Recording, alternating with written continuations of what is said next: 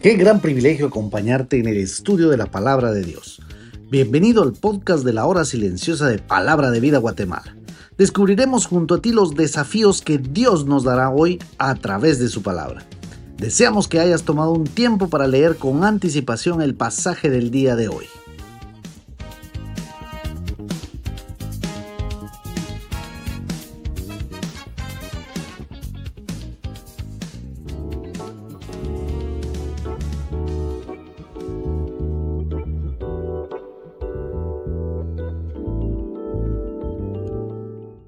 Mi querido amigo, mi querido hermano, hermana, gracias a Dios nos permite iniciar un lunes en esta nueva semana, primer semana completa del mes de noviembre. Ya casi vamos terminando este año y espero que estos audios y comentarios de la hora silenciosa estén siendo de bendición para tu vida.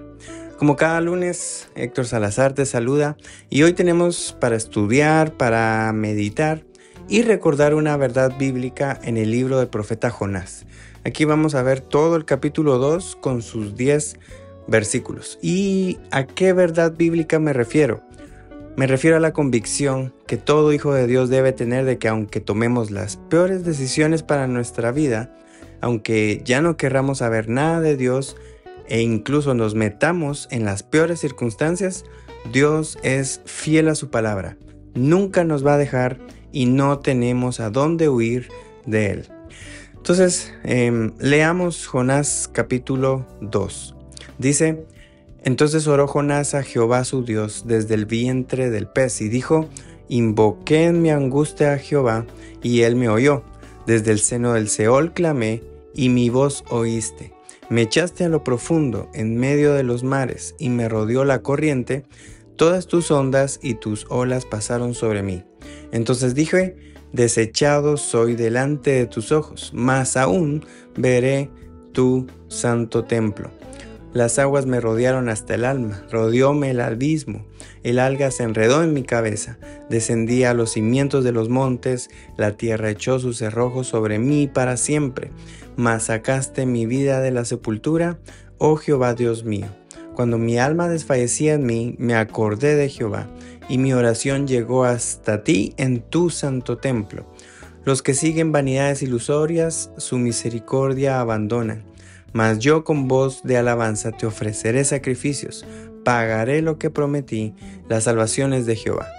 Y mandó Jehová al pez, y vomitó a Jonás en tierra. Es muy interesante leer y pensar eh, en el siguiente detalle.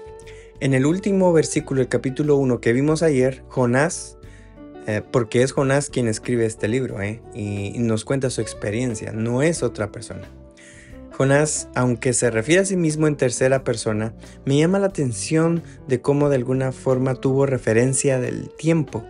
Desde que lo lanzaron al mar, en un momento sabe que deja de estar rodeado de agua y es tragado por un gran pez.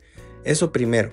Segundo, de alguna forma se da cuenta que está vivo y no muere, y que estuvo tres días y tres noches ahí, en el vientre del pez. Entonces, me llama la atención que en todo momento Jonás estuvo consciente. Está consciente que no quiere hacer la voluntad de Dios, se fue a un barco, sabe que la tormenta la había enviado Dios.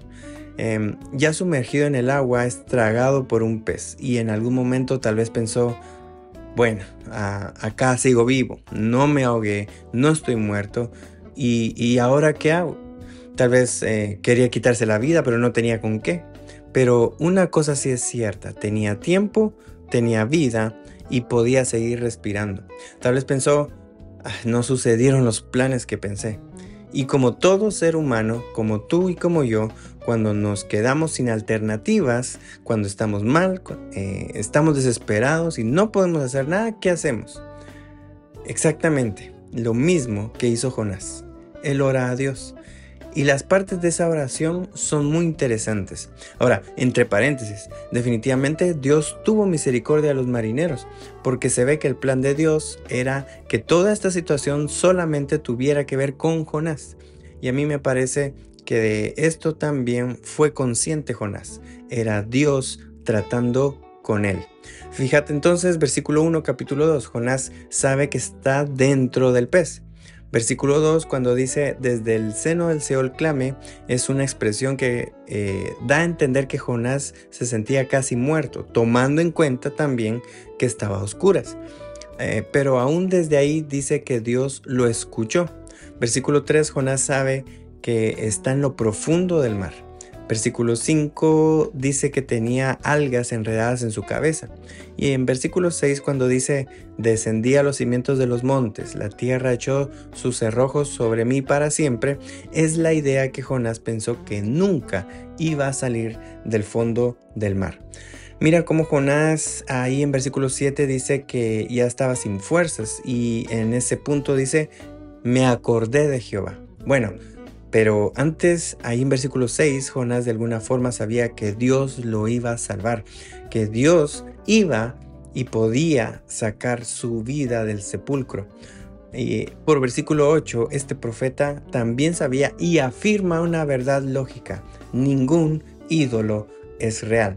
Por ahí la reina Valera usa la expresión vanidades ilusorias. Y finalmente, versículo 9, Jonás decide decirle a Dios que iba a cumplir lo que le prometió. Iría a pregonar, iría a proclamar arrepentimiento a Nínive. Por eso, vívelo. Te pregunto, ¿alguna vez te has sentido así como estaba Jonás ahorita? O no sé, quizás em, será que ahorita mismo te sentís mal y ya no tienes opciones, ya no tienes alternativas, no te salieron los planes que habías pensado. ¿Te sentís desesperado? ¿Ya no puedes hacer nada? Yo te pregunto, ¿ya oraste? ¿Ya le dijiste al Dios que nunca te va a dejar cómo te sientes? O tal vez la pregunta sería, ¿ya te pusiste a cuentas con Dios? Incluso te lo digo porque tal vez sabes que estás así por haber pecado. Entonces, ¿por qué no vas a confesar tus pecados? Tú mejor que nadie sabes que tienes que hablar con Dios y debes tener ese tiempo de desahogo en su presencia. Salmo 56.3 dice, en el día que temo, yo en ti confío. Puedes ir a leer también, te sugiero Salmos 40, versículos 1 y 2. Pero ve, anda a orar a Dios. Eh, ahí Él se va a inclinar hacia ti y oirá tu clamor. Entonces, a pesar de tus errores pasados o presentes, lo mejor que puedes hacer es ir a orar.